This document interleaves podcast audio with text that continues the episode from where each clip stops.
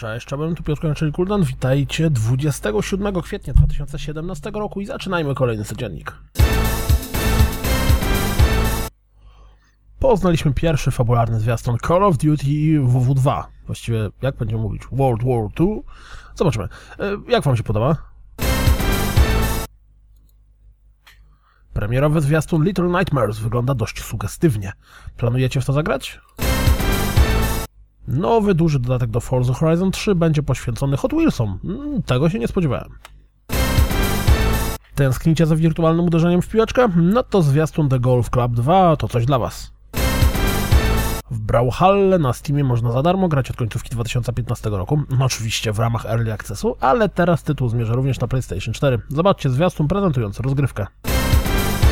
Twórcy Prison Architecta zaprezentowali premierowy zwiastun swojej nowej gry Scanner Sombre. Patrząc po fragmencie rozgrywki mam skojarzenie z Unfinished Swan. Pierwsza z trzech części Ken Follett's The Pirates of Earth, oparta o książkę do samym tytule, pojawi się w sierpniu tego roku. Butcher zawita na PlayStation 4 9 maja.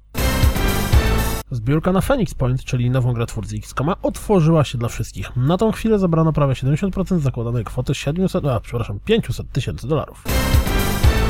Dowiedzieliśmy się, w co zagramy w ramach PlayStation Plus w maju. Na PlayStation 4 będzie to Alienation Tales from Borderlands, w które koniecznie musicie zagrać, jeśli jeszcze nie zgraliście. Na PlayStation 3 Blood Knights i Port Royal 3 Pirates and Merchants, a na PlayStation Vita Laser Disco Defenders i Type Rider.